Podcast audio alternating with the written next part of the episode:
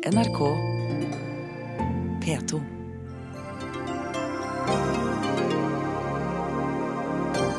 Arbeiderpartiet vil endre loven for å sikre innsyn i hvilke kunder statsråder har hatt i tidligere karrierer som PR-rådgivere. Skal de levere lister over familie, venner og uvenner også, spør Høyre. Norsk bistand handler om å sikre norske interesser og kan ikke redde verden, hevder kunstneren Morten Tråvik. Helt feil, bistanden har løftet millioner ut av fattigdom, svarer KrF. Høyesterett har slått fast at fiskerikvotene kan tidsbegrenses med tilbakevirkende kraft. Fiskerinæringen har mistet tillit til demokratiet, sukker Norges Fiskarlag. Og Frp vil gjøre det vanskeligere for små trossamfunn å få statlig støtte. Det går utover trosfriheten, mener KrF.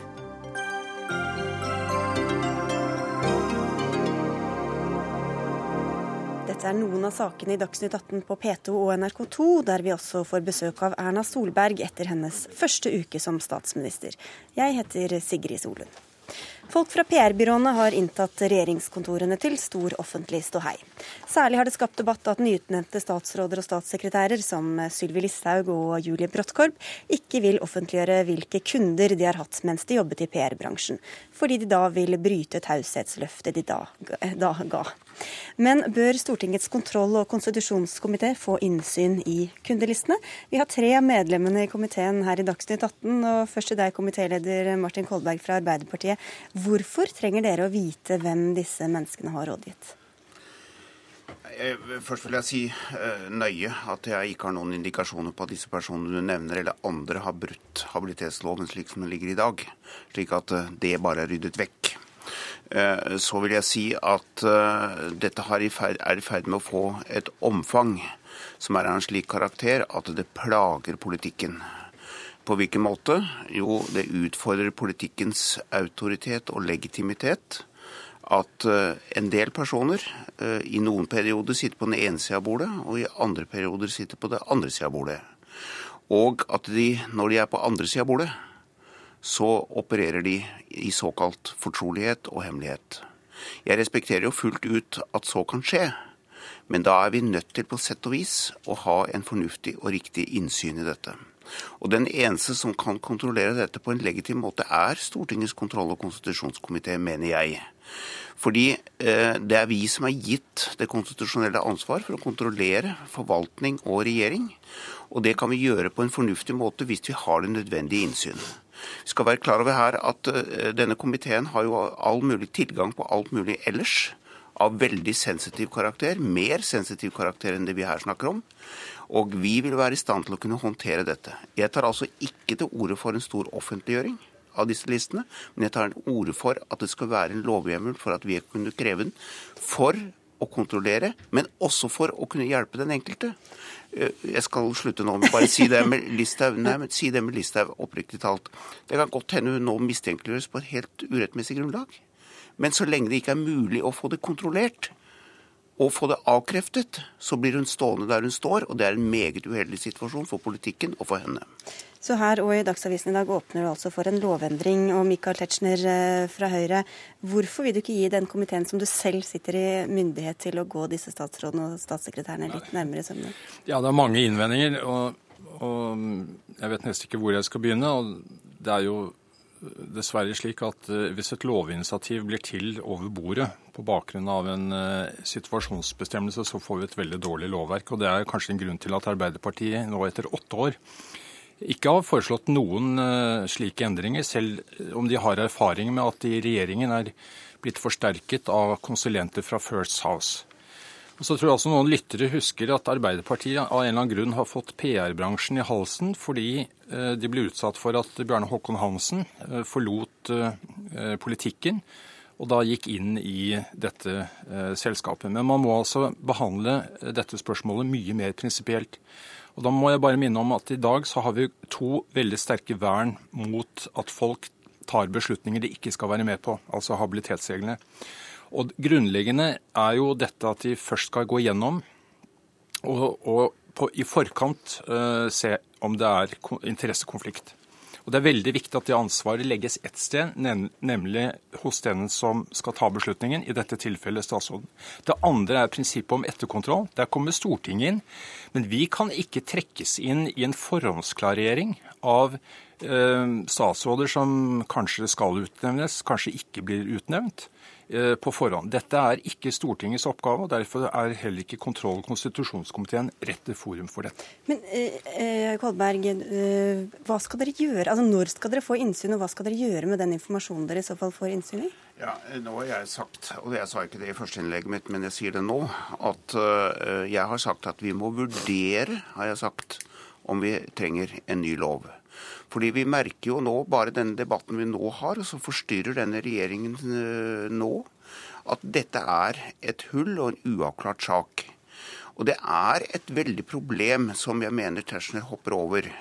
Fordi han har rett i alt han sier om lovgivningen som sådan, og jeg er enig i prinsippet om at den enkelte skal ha et ansvar. La det også være helt klart. Men han hopper over det politiske problem som dette skaper og som har fått et stort omfang. Det handler ikke bare om denne utnevnelsen her. Det har vært ganske lenge. Og det har vært Blant annet i deres regjering i de rød-grønne. Hvorfor gjorde dere ikke det da? Det er helt korrekt. Nei, men Det har vært en diskusjon veldig lenge. Og det har vært en diskusjon som har vært uavklart.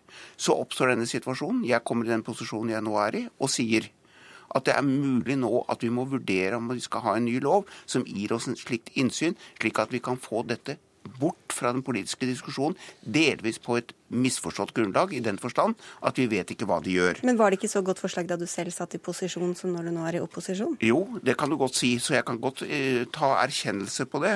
Men la oss nå diskutere dette. Og jeg, tar, jeg sier veldig tydelig at dette er en utfordring for hele det politiske liv. Og jeg ser av det som skrives i mediene i dag, at alle sier at Listhaug skal offentliggjøre listene.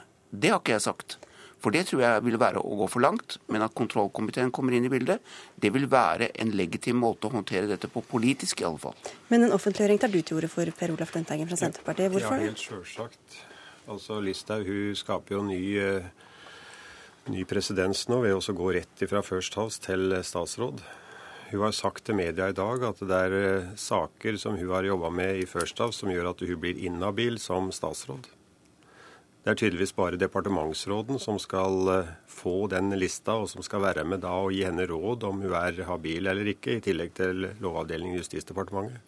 Det vil jo da gjøre at departementsråden f.eks. får en, eh, en rolle her som er langt utover det som en burde være, en makt som er utover det. Altså Åpenhet er første bud, og de kundelistene det er jo ikke spørsmål om hva en har drevet med, men hvem har vært kundene. Sylvia Listhaug vil i dag f.eks. ikke svare på om hun var med i First House sin Rema-gruppe. Det er en utrolig sentral aktør i forhold til verdikjeden som går på, går på mat. Og jeg regner med at eh, hvis hun har vært med der, så vil hun da erklære seg inhabil. Men ingen av oss veit hvorfor da hun blir erklært inhabil, for vi kjenner ikke til det faktum som folk må kjenne til. Journalister og alle må kjenne det her sånn. Det her er helt vesentlig del av åpenheten. Og om Kolbergs forslag var ille, så er vel ikke Lundteigens noe bedre, ifølge deg, eh, Tetzschner? Nei, og Grunnen til at Kolbergs ikke vil fungere, selv om det kan sies å være litt mildere, det er at jeg tror kontrollkomiteen eh, har medlemmer som vil holde tett når det gjelder skal vi si, det som skal holdes eh, hemmelig av hensyn til Norge.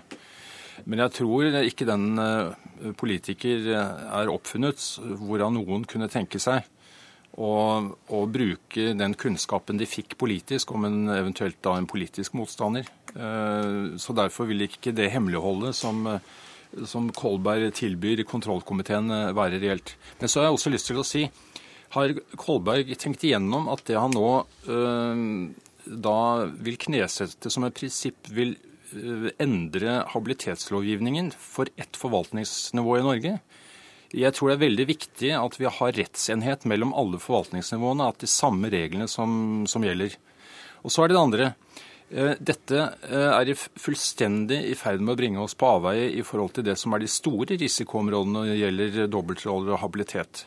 Vi kan snakke om dobbeltrollene som eh, ligger i at Senterpartiet rekrutterer fra, direkte fra Bondelaget, i tillegg til fra First House, og at det er sann, sann sammenblanding av næringsinteresser og politiske interesser i departementet. Men... Og denne regjeringen har jo også hatt en habilitetsskandale ved at tidligere statsråd Lysbakken ikke så uh, hvordan man skulle gå frem når han tildelte penger til egen organisasjon. Dere har jo da trukket, trukket så, så nettopp på den bakgrunnen så hadde det vært veldig velkomment om, om eh, Arbeiderpartiet hadde reist eh, lovforslag, nye forslag, på bakgrunn av det de selv har gjennomlevd. Men, vil jeg, bare, jo, men jeg vil stille noen spørsmål også innimellom her. Ja, eh, fordi dere har jo også, som du nevnte, altså, trukket eh, regjeringsfolk inn i kontroll- og konstitusjonen titt og ofte de siste årene, og snakket mye om åpenhet og anklaget Arbeiderpartiet for å ta avgjørelser bak lukkede dører. Hvordan stemmer det overens med det her, hva tror du det gjør med velgernes tillit? Ja, Det man også overser, er at den åpenheten eh, skal altså da ramme tredjepart, for det er veldig vanlig her i Norge, og det er det vanligste at bedriftene har interne opplysninger om sine kunder. Men er det ikke så nøye med åpenheten nå lenger? Ja, men hør her. Det, det, det, er jo helt opplagt at hvis et, en tidligere arbeidsgiver til en statsråd uh, får en sak uh, som skal avgjøres til gunst eller ugunst, så må selvfølgelig vedkommende fratre. Men her er det jo snakk om at tidligere arbeidsgivers kunder skal paraderes. Uh, og dette er altså da parter som ikke sitter i regjeringen. Og okay. parter som ikke skylder offentligheten eh, noen opplysninger om sin, sine forretningsmessige disposisjoner. Prøv å svare litt. Ok, Lundteigen og, og Kolberg, for begynne Kolberg. Ja, og da, da, vil jeg si at jeg, jeg, har respekt for en del av de juridiske betraktningene som Thatcher her gir uttrykk for. Jeg, jeg, forstår at dette er komplisert, men jeg mener nok at Thatcher også, Thatcher også skal forstå de politiske aspektene som ligger i dette. Og han ser jo selv nå hvordan hans egen regjering blir plaget av dette. Ikke spesielt for det jeg sier. Så det er tilliten som er problemet? Men det er tilliten som blir, er og blir problemet når det er slik som det er. Så vil jeg bare legge til ett resonnement. fordi det er helt riktig som det blir sagt her, at dette er private eh, selskaper og firmaer som vi i og for seg ikke kan forlange ved lov at skal offentliggjøre disse listene. Nei, hvis de velger det, så velger de en linje. Og Da kan de ikke forvente at arbeidstakere som den ene dagen har en stor samfunnsinnflytelse betalt av deres kunder, det er greit nok det, at de uten at offentligheten skal vite det, skal gå inn i en myndighetsrolle. Og det er der, mine og Tetzschners veier skilles. Jeg mener at det, dette bør vi greie å forene. Det er det jeg er på jakt etter. Slik at vi kan få dette ned på jorda og kan få et sunt politisk liv. For demokrati og politikken har bare autoritet hvis det er åpenhet. Det som er det spesielle med First House og lignende, det er at uh, vi veit ikke hvem de jobber for. Vi veit ikke hvem de jobber for. Er du ansatt i NHO eller Bedriftsforbundet eller Norges Bondelag eller hvor det er en, så veit vi Så det er forskjellen på å rekrutteres fra Ja, sjølsagt er det det. Og det veit jo Michael Tetzschner. Og han prøver her også å lage en, en lapskaus av det der sånn. Det trenger han ikke å gjøre. For at vi veit ikke hvem en jobber for. Vi ber bare om at Listhaug legger fram hvem har du jobba for. Nå er det kommet Hvem er det som får lyst til å kjøpe PR-råd da, når de plutselig kan få det klint utover forsiden av avisa? Det kan hende da at det blir en større barriere å gå ifra PR-byråer og inn som statsråd, og det ville ikke vært noen ulempe. Men et yrkesforbud, er det flere som har det? Er ikke snakk om noen yrkesforbud. Det er mange yrker å velge i, og det gjelder regler i samfunnet på mange områder, og det må også gjelde regler på dette området. Ellers så kommersialiserer vi politikken sånn at det er de som har de sterkeste økonomiske interessene som kan drive, og de slipper pinadø, unnskyld, å fortelle da hvem som har betalt dem i den jobben de har gjort. Her har vi et siste nummer av Drammens Tidende. Slik fikk ministeren til å, slu, til å snu. Drammen kommune har betalt da First House for å få sin vilje gjennom. Det har ført til nå at Drammen kommune har avslutta det. Takk og pris for det. Og Sånne saker kan jo komme opp, Tetzschner. Og selv om, som Kolberg sa, kanskje alle egentlig ikke har noe å skjule, hvorfor eh, tar dere da risken på at folk kan miste tillit eller mistenke noe som faktisk ikke er grunn til å mistenke? Man har gått glipp av hvordan eh, næringslivet har utviklet seg de siste årene med eh, økt vekt på tjenesteproduksjon, rådgivning. Hvorfor er det bare de såkalte PR-byråene? Eh, og hvis man ser også innenfor den bransjen, de driver med markedsanalyse. De driver og underviser folk i hvordan de skal eh, håndtere henvendelser. De legger strategier. Eh, hvordan adskiller dette seg fra generell bedriftsrådgivning? Og Så er det én ting jeg syns er helt utrolig. Og det er fordi du har hatt mange kunder og etter hvert har avsluttet oppdrag så ser det ut som disse herrene her tror at da blir man en livsvarig agent for den kunden. Det er jo ikke sånn det fungerer. Jeg har selv vært advokat, og jeg vil jo jeg takker Jeg takker jo den ordningen vi har for at man i hvert fall respekterer advokathemmeligheten, men det er i prinsippet det samme. Advokater skal ikke ut med sine klientlister okay. av samme grunner som jeg har vært inne på. Dere får ti sekunder hver til slutt. her. Ja, bare da si at uh, Nå sa ikke Tetzschner det han har sagt noen ganger før, men at vi, når det gjelder advokater og leger f.eks., de har lovpålagt taushetsplikt, og det skal selvfølgelig opprettholdes. Det er ikke det vi snakker om her. Jeg tror alle skjønner hva vi snakker om. Vi får statssekretærer og statsråder som kommer inn fra selskaper som har drevet sterk samfunnspåvirkning, og som går inn i myndighetsroller. Det er grunn til å være åpenhet rundt det. Det er det jeg er på jakt etter. Jeg skjønner at Tetzschner gjemmer seg bak de juridiske argumentene. Det syns jeg ikke han skal gjøre. Ok, fem sekunder, Lundhengen. Sylvia Listhaug har sagt at hun vil komme til å erklære seg inhabil pga. sin rolle i First House.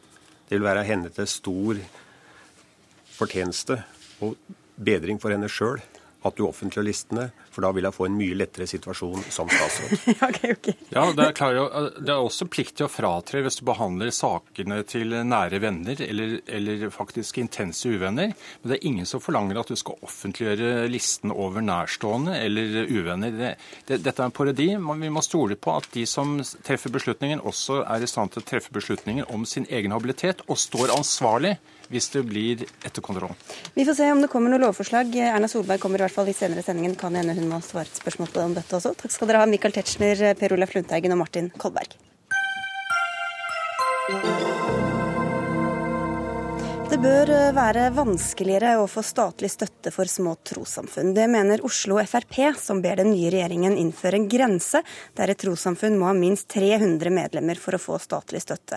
Og Carl I. Hagen, eh, du er leder eh, for bystyret i Oslo Frp. Hvorfor ønsker dere en sånn grense? Fordi det er blitt veldig veldig mange hundre forskjellige tros- og livssynssamfunn i Oslo som nå får støtte, og det er et, støtte, og det er et svært apparat. Det er foreslått fra et utvalg at det skal være minimum antall medlemmer på, på 100. Eh, når vi tenker på Oslo, så har vi sagt som jeg sa fra talerstolen, som er så stor, at her burde det økes til 300 medlemmer. Og Det er selvsagt ikke noe angrep på livssyn og trossamfunn osv. Det er i det øyeblikket de skal ha lovfestet rett på den samme økonomiske støtte som Den norske kirke at eh, vi syns denne grensen burde økes. slik at kravet til før du kan få, få delta i støtteordningen fra skattebetalernes penger, eh, så bør det være et, et visst omfang i det tros- og livssynssamfunnet. Og 300 medlemmer syns jeg ikke er så veldig høyt. Ja, Med trosfriheten var du inne på argumentasjonen til din motdebattant her, Erik Lunde fra Oslo KrF. Eh, hvorfor mener du dette kan gå på trosfriheten løs? Dette er jo egentlig et ganske dramatisk forslag. Eh, Stålsett-utvalget har foreslått 100 medlemmer som en grense. Eh, Oslo Frp vil ha 300. Dette rammer utrolig mange trossamfunn. Eh, ikke minst mange frikirkelige menigheter som har under 300 medlemmer. Av totalt 665 trossamfunn i Norge som fikk statsstøtte i fjor, så, så har 495 mindre enn 300 medlemmer. Og av disse er 410 eh, kristne frimenigheter som har en teologisk begrunnelse for hvorfor de organiserer seg på denne måten. Det, eh, det er rett og slett eh, eh, begrunnet i deres tro at de har organisert seg på en annen måte enn andre kirkesamfunn, andre trossamfunn. Og nå konsekvensen av forslaget til Frp er at de mister statsstøtten. Ja, Karl Hagen, Dere er vanligvis for alle private initiativ. Hvorfor er dere ikke det her? Jo, Jeg har snakket her om hva som gjelder i Oslo, altså en by med 600 000 innbyggere. Og eh, Det er også slik at det er mange trossamfunn, både muslimske, kristne og andre, som er bygget ikke så mye om teologien, men rundt en sterk leder og en sterk eh, tro på den lederen de har. Er det dem dere vil til livs? Ja, jeg syns at vi skal stille et krav. Hvis du skal ha, ha en forening, altså For å få registrert et politisk parti må du ha 5000, og jeg lurer på om ikke det har økt enda mer, eh, medlemmer. og Det er mange regler for hvor store de skal være og hvor små.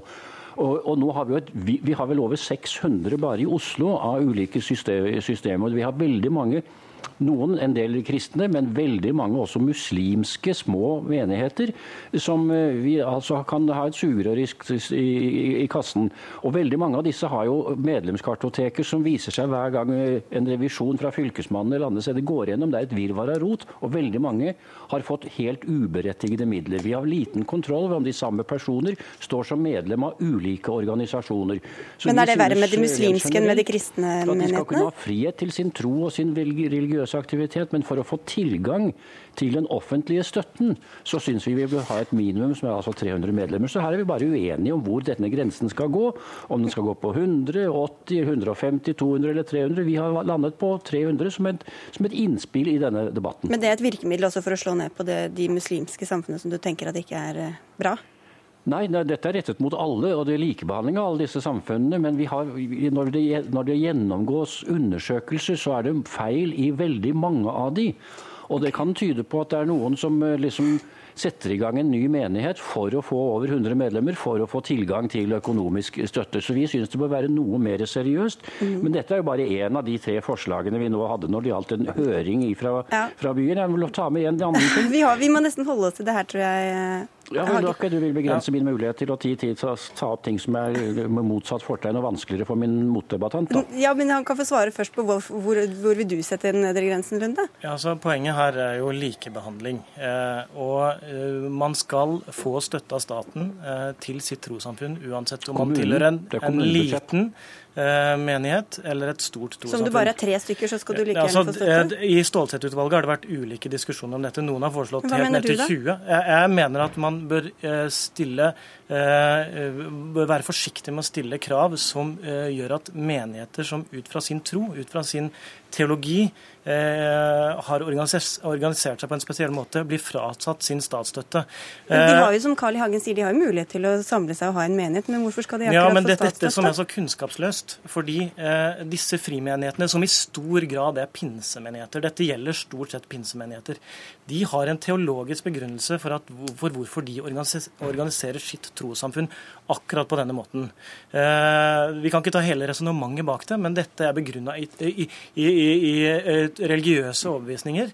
Og hvis vi da fratar statsstøtte fordi de skal organisere seg på denne måten, så fratar vi etter min mening disse trossamfunnene trosfrihet, og disse menneskene som er med der, viktig trosfrihet. Og eh, Lederen av Norges kristne råd har jo kalt denne politikken her for kommunistisk. og Det er jo vanligvis ikke noe man forbinder med Carl I. Hagen og Fremskrittspartiet. Ja, Hagen. Jeg har lyst til å si at uh, mange av disse pinsemenighetene er bygget rundt sterke uh, ledere. Og pinsemenighetene er jo samarbeidere, og det er fullt mulighet hvis det er økonomien som er så viktig, at de slår seg sammen i en litt overbygget organisasjon, slik at de i sum går over 300 medlemmer. Det er ikke noe problem hvis man ønsker å kunne gjøre det. Det, også, det er mange det er ikke bare kristne menigheter. Nå er det også muslimske, og de gror nesten opp som paddehatter. Med ulike Uh, ulike såkalte trosretninger. Men jeg får lov til å nevne det andre, som er det motsatte fortegnet. Altså, alle de andre i bystyret går nå inn for at skolegudstjenester og andre religiøse markeringer skal ikke ha karakter av å være skolens offisielle semesteravslutning. De aller fleste skoler i Norge har jo stort sett bare kristne elever, eller skal vi si humanetikere. Og det er slik i hele landet at veldig ofte så er skolegudstjenesten avslutning før jul, eller en avslutning før sommeren. Her går altså NRK inn for, eller uh, Kristelig Folkeparti inn for at det skal de ha, må slutte med. Vi syns at det skal de på de skoler hvor det er ikke noe problemer med flerreligiøsitet, så skal de fremdeles kunne få lov til å ha en skolegudstjeneste før jul som avslutning på semesteret. Og her syns jeg det er oppsiktsvekkende at Kristelig Folkeparti er uenig okay, med oss. Helt kort på det. det er ingen tvil om at uh, de som har kjempa hardest i Oslo bystyre for at uh, skolen skal være åpen for uh, religion og for religiøs elevaktivitet, har vært KrF i Oslo bystyre. Men vi sier også at vi skal ikke tvinge noen til å delta på en, eh, en eh, skolegudstjeneste eh, hvis det er mot deres religiøse overbevisning. Det er poenget vårt. Og Da sa du allerede på talerstolen Karl Hagen, at dere skal be den nye regjeringen om å innføre denne grensen. Så får vi se hvem som vinner fram av KrF og Venstre. Jeg tror ikke jeg sa noe om det på talerstolen, nei, jeg men jeg har sagt at selvsagt så, så, vil man vite at her er det delte oppfatninger. Men jeg har stor tiltro til at dette er ingen stor sak for den nye regjeringen å begynne å slåss om, og her er vi stort sett enige om det aller meste. Ok, Takk skal du ha, Carl I. Hagen fra Fremskrittspartiet og Erik Lunde fra KrF.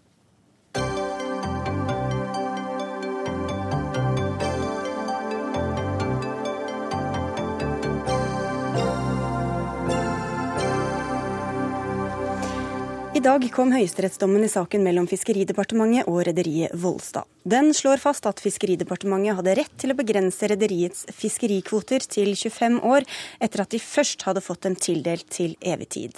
Saken ble tatt opp for retten av rederiet etter at Fiskeridepartementet i 2007 innførte tidsbegrensningen. Og Reidar Nilsen, leder i Norges Fiskarlag, hvorfor var dette en viktig dom? Ja, den er, den er, viktig fordi at det handler om et prinsipp eh, i Norge. Vi har altså et, eh, et prinsipp som går på at eh, et storting faktisk eh, kan godt omgjøre en lov, men ikke gi det, tids, eh, gi det tilbakevirkende kraft. Og det er det som er tilfellet her. Vi eh, som er i fiskerinæringa føler at man nå har åpna for en, en, praksis som faktisk gjør at man føler seg mye mer usikker på de investeringene man faktisk skal gjøre i næringa, og som til dels er ganske stor. For sånn som for Volstad så snakker vi om flere hundre millioner kroner. Derfor er det det er et prinsipp vi snakker om. og eh, vi er litt skuffa i dag over det som har skjedd. Det er ikke alle som er helt inne i denne saken. Klarer du å redegjøre ganske kort for hva det var, hvilke politiske beslutninger som fikk ja, konsekvenser for dere? Eh, ja, jeg skal, jeg skal, prøve så godt jeg kan. fordi vi, vi, har noe som heter eh, kvote på fartøyene våre. Så vi har en grunnkvote på hvert, hvert eneste fartøy. Og så I 2004 så innførte man såkalte strukturordninger. Det, det betyr at man kunne kjøpe opp en eller to båter og ta kvoten av de og tilføre til det ene fartøyet. Det her gjorde man for at man skulle få lønnsomhet i flåteleddet. Og, eh, og Stortinget slutta seg til. Eh, og daværende storting eh, slutta seg til at kystflåten som først fikk det her, fikk såkalt evigvarende kvote. Det var i grunnen ikke noe vi ba om, men det ble bare slik i Stortinget. Eh, og så var det sånn at eh, Kort tid etter så kom også eh, havfiskeflåten på banen og fikk de samme rettighetene. Og Da mente daværende regjering at når kystflåten hadde fått det, så var det også rimelig at havfiskeflåten fikk de samme rettighetene. Og Derfor ble det slik, og så ble det da styre i Stortinget, og en, en krangel som faktisk har vart helt fram til i dag. Og usikkerheten har vi fiskere måttet ha levd med i mange år. Ingrid Hygge, du er fiskeripolitisk talskvinne for Arbeiderpartiet, som altså tok vekk igjen disse evigvarende kvotene. Hva synes du om dagens dom, som for så vidt ga dere rett? Jeg er selvsagt veldig glad for dagens dom, som sier det at eh, fiskeressursene de tilhører folket i Norge. Akkurat sånn som oljeressursene. Eh, sånn at jeg er veldig glad for utfallet, som gjør det at eh, vannressurser, oljeressurser og fiskeressurser det tilhører folket i fellesskap. Fiskeriminister Elisabeth Aspaker fra Høyre, hva syns du om dommen? Nei, men Det er en uh, veldig viktig dom på den måten at den har slått fast at uh, fiskeripolitikken faktisk handler om politikk, og at regjering og storting har fullt handlingsrom til å vedta det man til enhver tid mener er en fremtidsretta fiskeripolitikk. Og så har jeg lyst til å si at uh, det, dette er en næring som er en av de, de solide beina som Norge skal stå på i fremtida.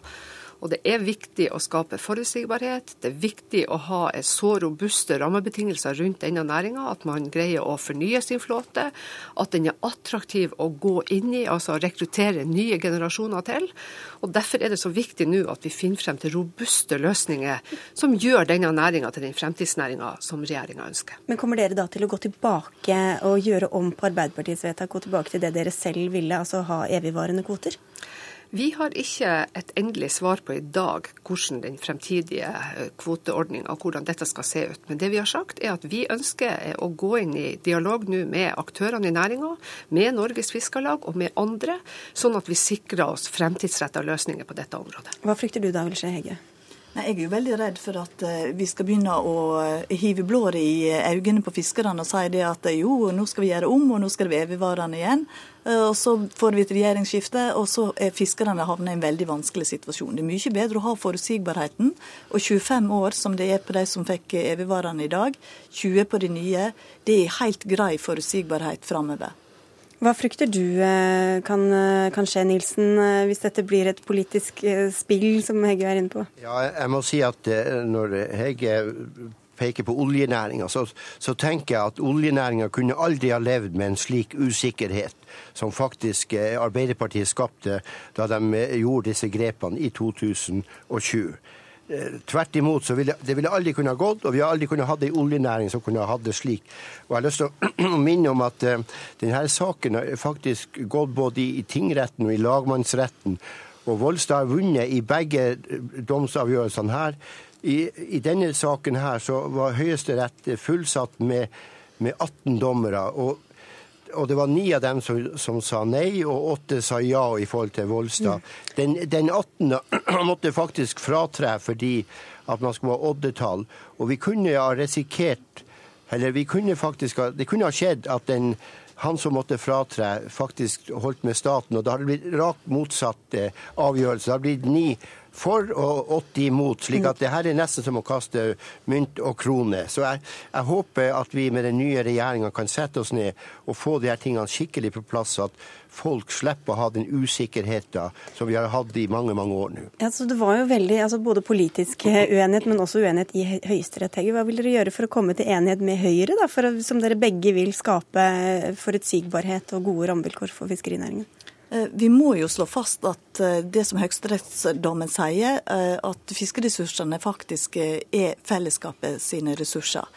Og så må jeg få lov å arrestere Nilsen på én ting. Det er at det var Ludvigsen som skapte usikkerheten med å over natta ta vekk forutsigbarheten og gjøre det om til evigvarende kvoter. Programleder, jeg må få kommentere det. Ludvigsen er altså Svein Ludvigsen, tidligere fiskeriminister fra Høyre. Jeg, jeg var faktisk ja. formann også da Svein Ludvigsen var, var, fiskeriminister.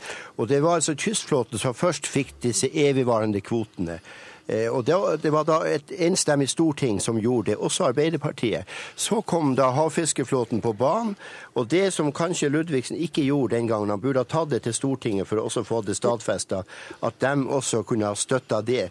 Det var det som skapte den politiske stormen. Og på mange måter ble det politikk av det her. Istedenfor å gi fiskerne den forutsigbarheten man burde ha fått eh, gjennom eh, I stedet så ble det politikk. Ja, men vi snakker ikke så mye om det som var, men helt kort til slutt her, Aspaker. Hva med det som kommer? Det er jo du som sitter ja. ved roret nå. Ja, altså jeg syns vi til fulle nå har fått illustrert hva slags utfordring det her er for næringa. Altså, hvis dette skal bli ei stor og fremtidsretta næring, hvis det skal sikre lønnsomhet og forutsigbarhet, så må vi finne andre løsninger enn den løsninga som den rød-grønne regjeringa landa på. Og når dere kan si noe mer enn bare plattform, så får dere komme tilbake alle tre og diskutere saken på nytt. Takk skal dere ha for at dere var her. Elisabeth Aspaker, ny fiskeriminister, Ingrid Heggø fra Arbeiderpartiet og Reidar Nilsen fra Norges Fiskarlag.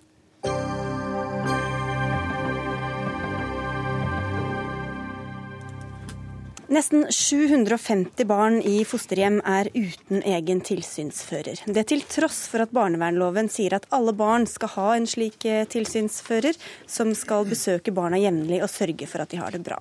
Marit Sanner, du representerer Forandringsfabrikken, en stiftelse som siden 2004 har arbeidet for at unge i dette systemet skal få sine stemmer hørt av myndighetene. Og hva synes du om at så mange ikke får den eh, hjelpen og den personkontakten som de trenger? Nei, altså det her er en ordning som vi har hatt i 20 år. Eh, og når vi da fremdeles etter 20 år har den samme utfordringa som vi har hatt kanskje for 10 år siden og for 15 år siden, så tenker jeg at det er noe med det systemet, eh, eller den systemet tilsynsførerordning, eh, som det må gjøres noe med. Det er farlig at det går såpass mange unger uten, tilsyns, uh, uten tilsyn. Da. Eh, hva, hva, er det disse menneskene gjør, og hva sier de barna som ikke har en sånn kontakt om, om hva, de, hva, de, mangler? Nei, så, det er mange unger som sier at de ikke har en kontakt. Det er jo flere utfordringer med den, du, for det er mange unger som skifter eh, tilsynsfører, som det enda heter, ofte. Og det er også et enda større problem, mener jeg, at eh, de som har tilsynsfører, og veldig mange av dem, sier at det er vanskelig å snakke sant til tilsynsføreren fordi at dette er en fremmed person, for de aller fleste er det det, som kommer innom fire ganger i året.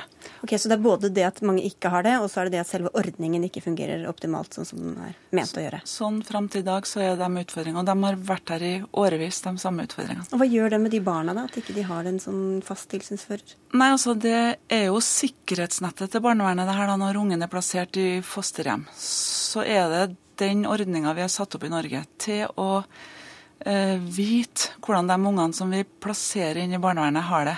Og når den ikke fungerer, og de ikke kan snakke sant om vanskelige ting Du kan tenke hvis det, hvis det er vonde, vanskelige ting, da, og så kommer det en fremmedperson, som en gutt sa, hvem voksen ville ha snakka om de vanskeligste tingene til en fremmedperson som kommer innom.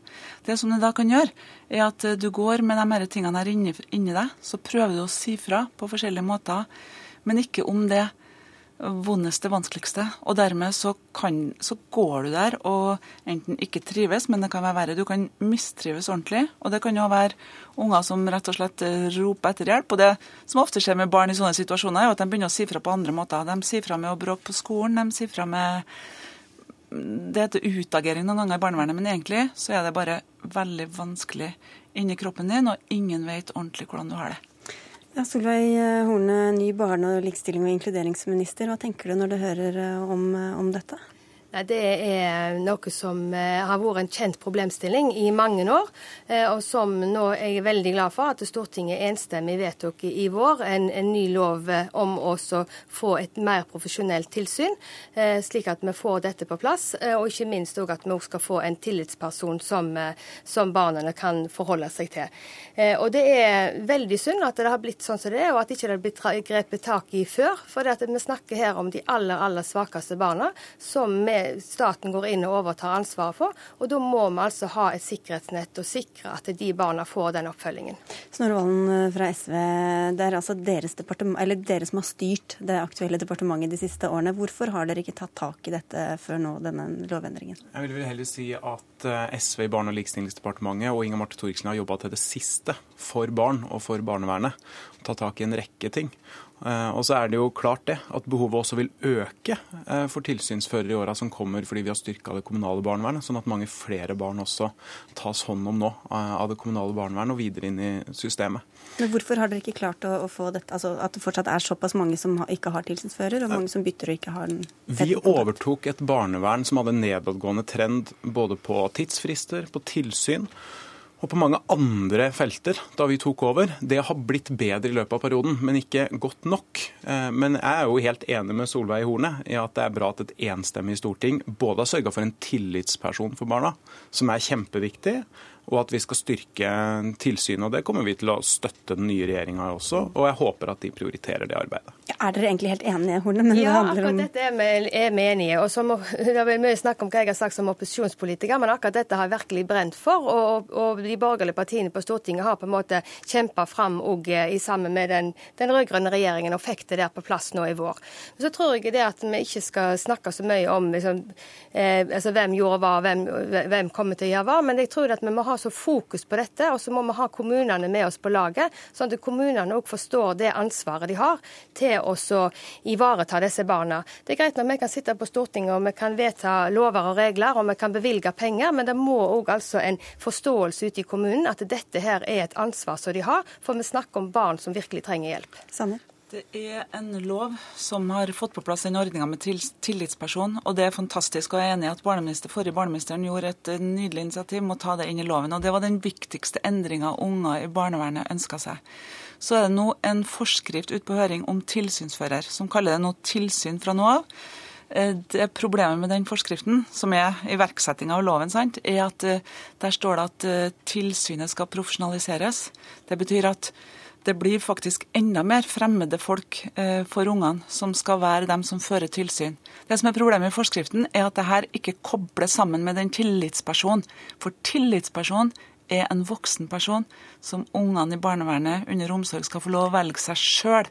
Og hvis ikke de to tingene settes tett sammen, så vil denne ordninga med tilsyn bli dårligere enn jeg var. Jeg tror man på en måte, vi kan gjøre begge deler. For det er viktig å få på plass et profesjonelt tilsyn. Og, og ikke minst det der at det blir nå løfta opp den tilsynsordningen med at kommunene får et ansvar. Og det er både at rådmann og ordfører og det politiske systemet har et ansvar. Nå er den ute, saken ute på høring, og vi avventer den skal bli ferdig nå før jul. Og så må vi samtidig òg få på plass den der tillitspersonen. Så det er i hvert fall noe som denne nye regjeringen skal, skal jobbe iherdig for å få på plass. Så da får du bare håpe at Solveig Horne fullfører det dere begynte på, eller hva? Ja, derfor er jeg tror De store uenighetene på barnevernsfeltet ikke ligger på dette, men på ganske andre problemstillinger. Ehm, jeg syns det er et bra initiativ fra Sanner også å si at dette bør kobles på, på tillitsperson. Det vil vi godt følge opp. Eh, men så er det jo sånn at profesjonalisering av tilsyn ikke jo nødvendigvis betyr at det er mer fremmed og kaldt. Det kan jo også bety, sånn som det legges opp til nå, at hele kommunen får tilsynsansvar. At det er voksne som arbeider i andre områder av kommunen, som er flinke til å snakke med barn, har erfaring med å jobbe med barn, som også kan være med å ta det her ansvaret. Og Det tror jeg er bra. Det er en del bydeler i Oslo som har gjort, f.eks., men som de ikke har hjemla i lov til nå. Så får alle gode treff, krefter trekke i samme retning? Nei, men Det sånn. kan gå bra, men poenget er at det her har vært prøvd lenge. Og det som ungene sier, at det kan gå bra med fremmede folk, men da er det flaks. Selv om de blir gode å snakke med barn. Så det viktige for å få For det, vi må ha ungene plassert i barnevernet som vet hvor de kan snakke hen trygt om de vanskeligste tingene. Og derfor så må de få velge den voksne som de skal snakke til sjøl, og få ta med seg den inn til systemet eh, sammen med det profesjonelle tilsynet. For det er helt enig, det er ingen motsetning, men det må kobles sammen. For det må komme det må være med voksenpersoner der som de er fullstendig trygge på. Men det, som de stoler på. Det er viktig at de signalene de må vi ta med oss og få komme fram på høringen. Eh, men det som eh, vi må kunne på en måte gjøre begge deler, for det er viktig å få et profesjonalisert tilsyn. Men så er det helt klart sånn som, som, du sier, at det, det, er viktig at barna har en person som de har tillit til. Og det kan være en fra familien, det kan være en nabo, det kan være en lærer. Altså det, kan, det er liksom tilliten som det barnet trenger, og det må vi følge opp. Eh, vi har ikke mer tid, dessverre. Men tusen takk for at dere kom, eh, Solveig Horne, Marit Sanner og Snorre Valen.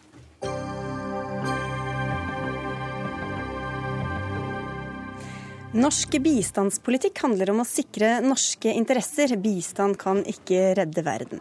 Denne salven kom, eh, kommer fra kunstneren Morten Tråvik, som ga ut boka 'Djevelen er en fallen engel', eventyret om Miss Landmine, i dag. I kunstprosjektet Miss Landmine arrangerte Tråvik missekonkurranser for landmineofre fra Angola og Kambodsja, og fikk med seg et eh, nærbilde av norsk bistand underveis. Og Morten Tråvik, hva var det du så som gjorde deg så skeptisk til bistand? Um, ja, det skriver jeg jo en hel del om i boken. Jeg vet ikke om vi får plass til alt her og nå, men um, en slags høydepunktene. Høydepunktene. Uh, det var vel alt ifra um, hovedsykehuset i Zambias hovedstad Lusaka, som eh, både ser ut og lukter som et fjøs i et land som har mottatt et av de mest eh, bistandsmottakende landene i regionen. Selv om det nå har begynt å bli faset ut av Norge, da, så har vi gitt ganske mye penger til et land der Rikshospitalet ser ut som et fjøs. Så bistanden virker ikke? Veldig mye av den eh, mener da jeg fører til både en ansvarsfraskrivelse hos de eh, styresmaktene som mottar den eh, i de landene, og en stakkarsliggjøring og en klientifisering av, av eh, befolkningen. Du sier at de mest bistandskritiske stemmene du har støtt på, ikke bare er Frp-ere, men også bistandsarbeidere selv. Hva er det de sier? Alt er dritt, ingenting fungerer. Jeg pleier å be om kortversjonen, den pleier ikke å være så kort. Nei, det var, det var på en måte instant, instantversjonen. Men Kjell Ingolf Røpstad, du er stortingsrepresentant fra Kristelig Folkeparti. Hvordan kjenner du igjen denne beskrivelsen av bistandspolitikken?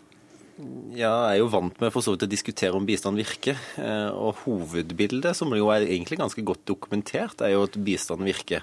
Og Jeg pleier å bruke meg sjøl som eksempel og mitt engasjement. da, og det, det for så vidt kjenner meg jo igjen i noe av beskrivelsene sier, men, men, for meg så er det jo fattigdom som kanskje fikk meg til å begynne og iallfall jobbe aktivt med politikk.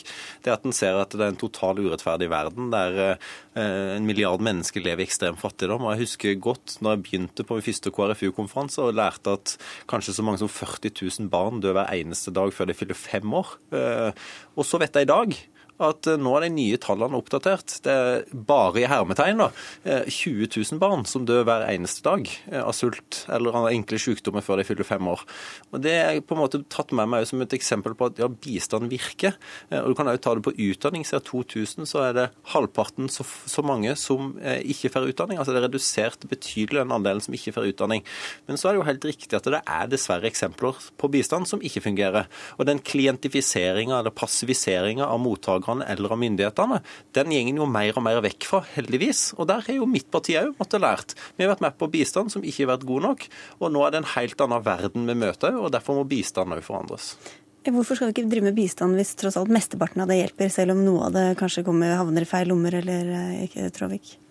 Ja, altså den, denne, typen, eh, Det er jo dette som gjør at det blir så problematisk å, å, å, å diskutere med en slags bistandskritisk eh, tilnærming. Fordi at det er veldig lett å trekke fram disse 20 000 barna eller 40 000 barna som dør hver eneste dag. Eh, og, og, vi kan alltid slå hverandre i hodet med statistikker og tall. Eh, derfor har jeg helt bevisst eh, unnlatt å gjøre denne boken til en bok om, eh, om statistikker og tall. Jeg heller ville drøfte hva er det som får oss mot bedre vitende, vil jeg hevde. Altså Da vil jeg si både oss, vi som gir penger til TV-aksjoner eller til sigøynere på gaten, og land på landsbasis, der vi spytter inn 700 millioner kroner i eh, Afghanistan f.eks., eller Sør-Sudan, eller hvert eneste år.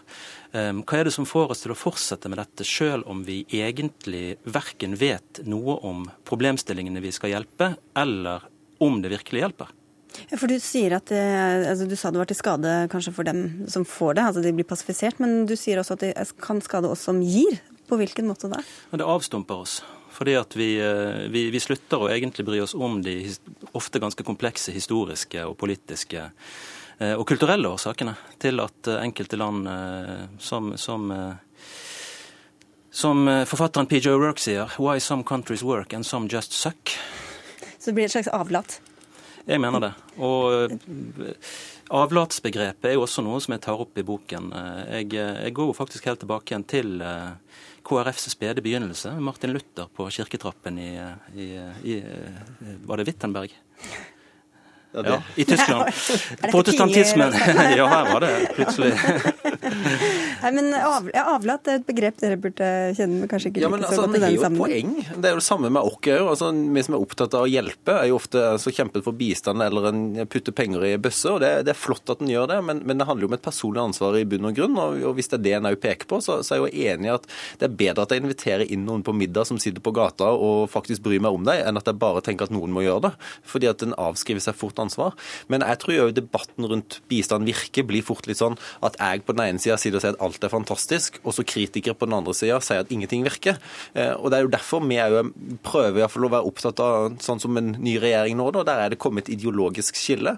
Der de har mye større eh, fokus på økonomisk vekst, der den forrige regjeringa hadde mer eh, fokus på fordeling. Og KrF ligger jo midt i som et sentrumsparti og sier at fordelingspolitikken blir kjempeviktig, men òg det å skape økonomisk vekst, bruke oljefondet som et verktøy og bruke andre mekanismer for å få til handel, for å skape investeringer, for å få til arbeidsplasser. Det vil jo være en annen type, i tillegg til bistand. Ja, for å ta dette politiske, Tråvik, hvordan mener du at Norge bruker den bistanden for å fremme sin egen politikk? Vi bruker den altfor ofte til eh, altså Om vi da snakker om Norge, nasjonen, eh, eh, så bruker vi den synes jeg, altfor ofte som den litt pinglete lille gutten i klassen som vil kjøpe seg kompiser med, med tippegevinsten. Og det hadde jeg på en måte syntes var greiere om, eh, om eh, de, eh, våre utenrikspolitikere hadde kunnet innrømme at nå har vi gitt penger så lenge til Midtøsten-konflikten f.eks., og det har fremdeles ikke skjedd noe særlig. Og vi bryr oss egentlig ikke om den blir løst eller ikke, men vi vil gjerne være i spill. Vi vil gjerne være med. Det hadde på en måte vært ærligere, for å ta ett eksempel så er det selvfølgelig også Men den, denne problematikken, det er veldig viktig å poengtere at dette er ikke en, først og fremst en politisk eh, bistandskritikk. Eh, den heter jo 'Djevelen en fallen engel', som på en måte er et mye eh, videre begrep om der jeg bruker meg sjøl som første eksempel. altså Hele min prosess eh, fra Du er også en fallen engel? Fra jeg tenkte og handlet som et barn, til jeg la av barnets eh, tenkning og, og handlinger. Eh, Um, I og med at jeg, um, jeg, jeg, jeg, oppdaget vel kanskje mye av mine egne motivasjoner, som kunne ha like mye å gjøre med et ønske for, for meg sjøl å føle meg nyttig og uh, sett og betydningsfull gjennom da å um, en, å se på en måte virkningen av mine handlinger på, på, andre. Men hvis det var din oppfatning av deg selv, hvordan kan du vite at ikke det farger veldig mye av hvordan du oppfatter også ikke bare andre bistandsarbeidere, men også det hele politiske oppi det? Nei, jeg våger jo, jeg våger jo anta at eh, jeg, jeg, jeg, gambler jo på at denne følelsen og denne motivasjonen, eh, disse motivasjonene er ganske allment gjenkjennelige. Og så langt så har jeg fått en god del bekreftelse på det.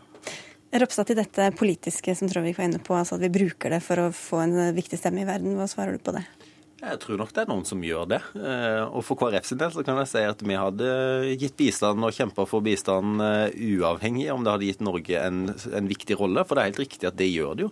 De gir jo ikke større maktposisjon og, og mulighet til å påvirke i andre settinger. Men, men jeg, for meg så er det jo en påminner at den debatten som handler nettopp om at det faktisk er det den norske interesse, òg viktiggjør eh, utviklingsministeren fordi at den skal kjempe for de fattigste interesser, istedenfor der utenriksministeren lettere kan tenke norske interesser. Så i den settinga der så vil altså utviklingspolitikk, bistand, det vil veldig ofte ikke lønne seg.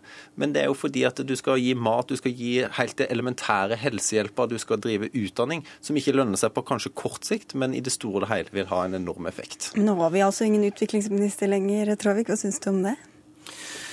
Um, det kan I utgangspunktet se på det som en symbolhandling, uh, sånn som ganske mye annet i, i, i bistandspolitikken. Uh, jeg har egentlig ikke, jeg, jeg tviler vel på at um, bistandsbudsjettene kommer til å bli vesentlig eh, kutta som, som følge av det. Uh, men det har egentlig, det, akkurat det har jeg egentlig ikke så, så mye med min med min oppfatning å gjøre. Jeg er som sagt mer interessert i Eh, hvorfor, hvorfor, vi som sagt mot eh, Ofte mot bedre vitende, eller kanskje enda oftere mot eh, et ikke-vitende. går igjennom dette, dette ganske jevnlige ritualet av å kjøpe oss bedre samvittighet som og Jeg er ikke heller sikker på at verdens fattigdom eller rikdom er en slags nullsumsproblematikk. Jeg tror ikke de blir rik, jeg tror ikke de blir rik, eh, fattigere om vi ikke gir. Men, men, jeg må bare si det helt, for det, det nærmer seg vel slutten. Men, men, det er jo ikke bare avlåt, det er ikke bare å kjøpe seg fri. Det er faktisk noe som virker. Men jeg er enig i at bistand må fornyes, det må tenkes bedre. Der har vi en jobb å gjøre. Og så må du tenke helhetlig. Det er mer enn bistand som er med på å skape utvikling. Det, du må få til økonomisk vekst. Du må bruke fotavtrykk som Norge har gjennom oljefondet for å kunne skape både vekst og så fordele ressursene på best mulig måte. Der må du jobbe med sivilsamfunn, du må jobbe med myndighetene og i dialog. At ikke det er bare Norge som kommer inn og så bestemmer hvordan det skal være. Vi nærmer oss slutten, men vi har ikke neste gjest på plass ennå, så jeg har plass til litt flere spørsmål. Okay. Morten Tråvik, du er jo kunstner og har også mange omstridte verk bak deg. ikke sant? Dette med Miss Landmine, og mange kjenner kunstneren fra Nord-Korea også, som du har fått mye kritikk for. Men hvilken rolle tror du kunsten kan spille opp i dette feltet som du nå har eh, skrevet bok om, da? Altså, jeg, jeg, jeg, tar jo ikke akkurat på kunstens uh, ofte ganske forfengelige ønske om å bety noe i verden med silkehansker heller. Uh, Eh, jeg identifiserer bl.a. noe jeg kaller for ballonger for Burma-syndromet. Som eh, er da det jeg også mener ofte er symbolhandlinger. Som, som eh, mest av alt tjener til å, å, få kunstneren til å føle seg litt mer eh, hot. Um, men derimot så mener jeg jo at om, om kunstneriske strategier og kunstneriske tenkemåter som ofte ikke er bundet opp av politisk korrekthet og politiske konjunkturer på samme måte, kan kanskje skape et vidsyn i måten vi forholder oss til den problemstillinga på. Eh, og der eh, Ja, det er vel noe av det hvert jeg har prøvd å gjøre i 'Djevelen er en fallen engel'. Og det vil du sikkert synes er veldig positivt, Ropstad? Ja, altså, jeg, jeg, liker jo mye av det han, han eh, påpeker. og Jeg syns jo er mer filosofiske tenkninger rundt bistand og hva som driver mennesker som er opptatt av en mer rettferdig verden òg. Og, og, og, den diskusjonen syns jeg er spennende. Så, og sånn sett så mener jeg òg overført i politisk betydning, så er det klart at staten kan heller aldri frata ansvaret eh, for enkeltmennesker. Men, men, jeg mener jo at det er noe av det som vi er opptatt av, å rette mot de aller fattigste gjennom frivillige organisasjoner f.eks. Eh, for fordi at det er jo en drivkraft gjennom deg for å skape en mer rettferdig verden. Takk skal dere ha, Kjell Ingolf Ropstad fra KrF og Morten Traavik, kunstner og nå ute med en ny bok om bistand. Hør Dagsnytt 18 når du vil, på nettradio eller som podkast. nrk.no – dagsnytt 18. er den siste gjesten vår kommet. Den eh, blå regjeringen er ikke mange dager gammel, men den har alt rukket å skape både begeistring, debatt og sinne. Noe som til en viss, eh, skjønt på et høytidelig vis, eh, har preget trontaldebatten og debatten om tiltredelseserklæringen i Stortinget i går og i dag. Og statsminister Erna Solberg, velkommen. Takk. I går og i dag var altså din første debatt i Stortinget som statsminister noensinne. Hvordan var det første gang du ble kalt opp til talerstolen med statsminister Erna Solberg? Solberg? Det var litt rart, litt høytidelig. Det er også sånn at Som representant fra Hordaland så har jeg alltid sittet liksom på den høyre siden, nesten i presselosjen. Så jeg har endelig fått et nytt perspektiv på å sitte rett foran og se på, på presidenten under uh, debattene. da. Men jeg syns det har vært en god debatt. Jeg syns det har vært interessant å høre på. Og så syns jeg alltid det er morsomt med de debattene hvor det kommer så mange nye som holder sitt første innlegg. Er du litt som, ekstra snill mot dem, eller? Ja, jeg er både snill med de og husker at de har sitt debutinnlegg og det er bra å få litt tilbakemelding. Så jeg syns det har vært eh, morsomt å sitte og høre. Må innrømme at de siste årene har ikke jeg sittet så lenge i stortingssalen av gangen som jeg har gjort de siste to dagene. Jens Stoltenberg, som du har tatt over for, han har snakket mye om det, eller i hvert fall innimellom, om det ensomme ansvaret man har som statsminister. At til syvende og sist er det du på toppen som tar den endelige beslutningen. Har du rukket å føle noe på det nå? Eh, altså, Vi har noen vanskelige saker som, som vi, vi, jobber med. Vi skal ha et budsjett igjennom, og vi skal sørge for å få til eh, gjennomskjæring mellom statsråder etter hvert, eh, hvor du må velge liksom hva blir profilen. Så jeg har ikke følt så mye på det ensomheten ennå. Viktig å ha med seg gode støttespillere, men jeg vet jo at til slutt er det alltid eh, jeg som må ta den endelige beslutningen og skjære igjennom og si at sånn blir det. Ensomheten er kanskje uteblitt foreløpig, men ansvaret, har du tatt det innover deg? Jeg har tatt det innover ansvaret. Det er, det er jo sånn at uh, Norge har ikke stoppet opp for det om det har uh, vært regjeringsforhandlinger og ny regjering. Det er jo et uh, behov for beslutninger ganske raskt. I løpet av debatten var det særlig ett tema som gikk igjen, at leger skal få mulighet til å reservere seg mot å henvise til abort. Har du forståelse for at så mange reagerer på det? Jeg har forståelse for det, for dette er en vanskelig sak. Jeg har forståelse for begge syn jeg, i denne, denne saken. Selvfølgelig er det sånn at kvinner som kommer i et veldig vanskelig situasjon og ber om å få eller ber om en henvisning til å ta abort, skal møtes med respekt av den legen de møter. Det er veldig viktig at det ikke er en ekstra belastning som møter de kvinnene som ber om det. På den andre siden så er det også viktig å huske at abort dreier seg for mange om spørsmålet mellom liv og død. Og det gjør vi opp et personlig vurdering av om du søker eller ikke. Det er det vi har bestemt med selvbestemt abort. Men for leger som utfører abort, eller som henviser, så vil kanskje spørsmålet om når liv starter, hva man deltar på, være litt ulikt. Og Da må man også huske at dette er et ganske stort spørsmål for leger i utgangspunktet avlegger en om alltid å, å, hjelpe til for at liv kan reddes. Og det, De to hensynene må på en måte veies opp mot hverandre. Og jeg tror vi kommer til å finne frem til en god måte å få de hensynene ordnet eh, i et lokalt perspektiv.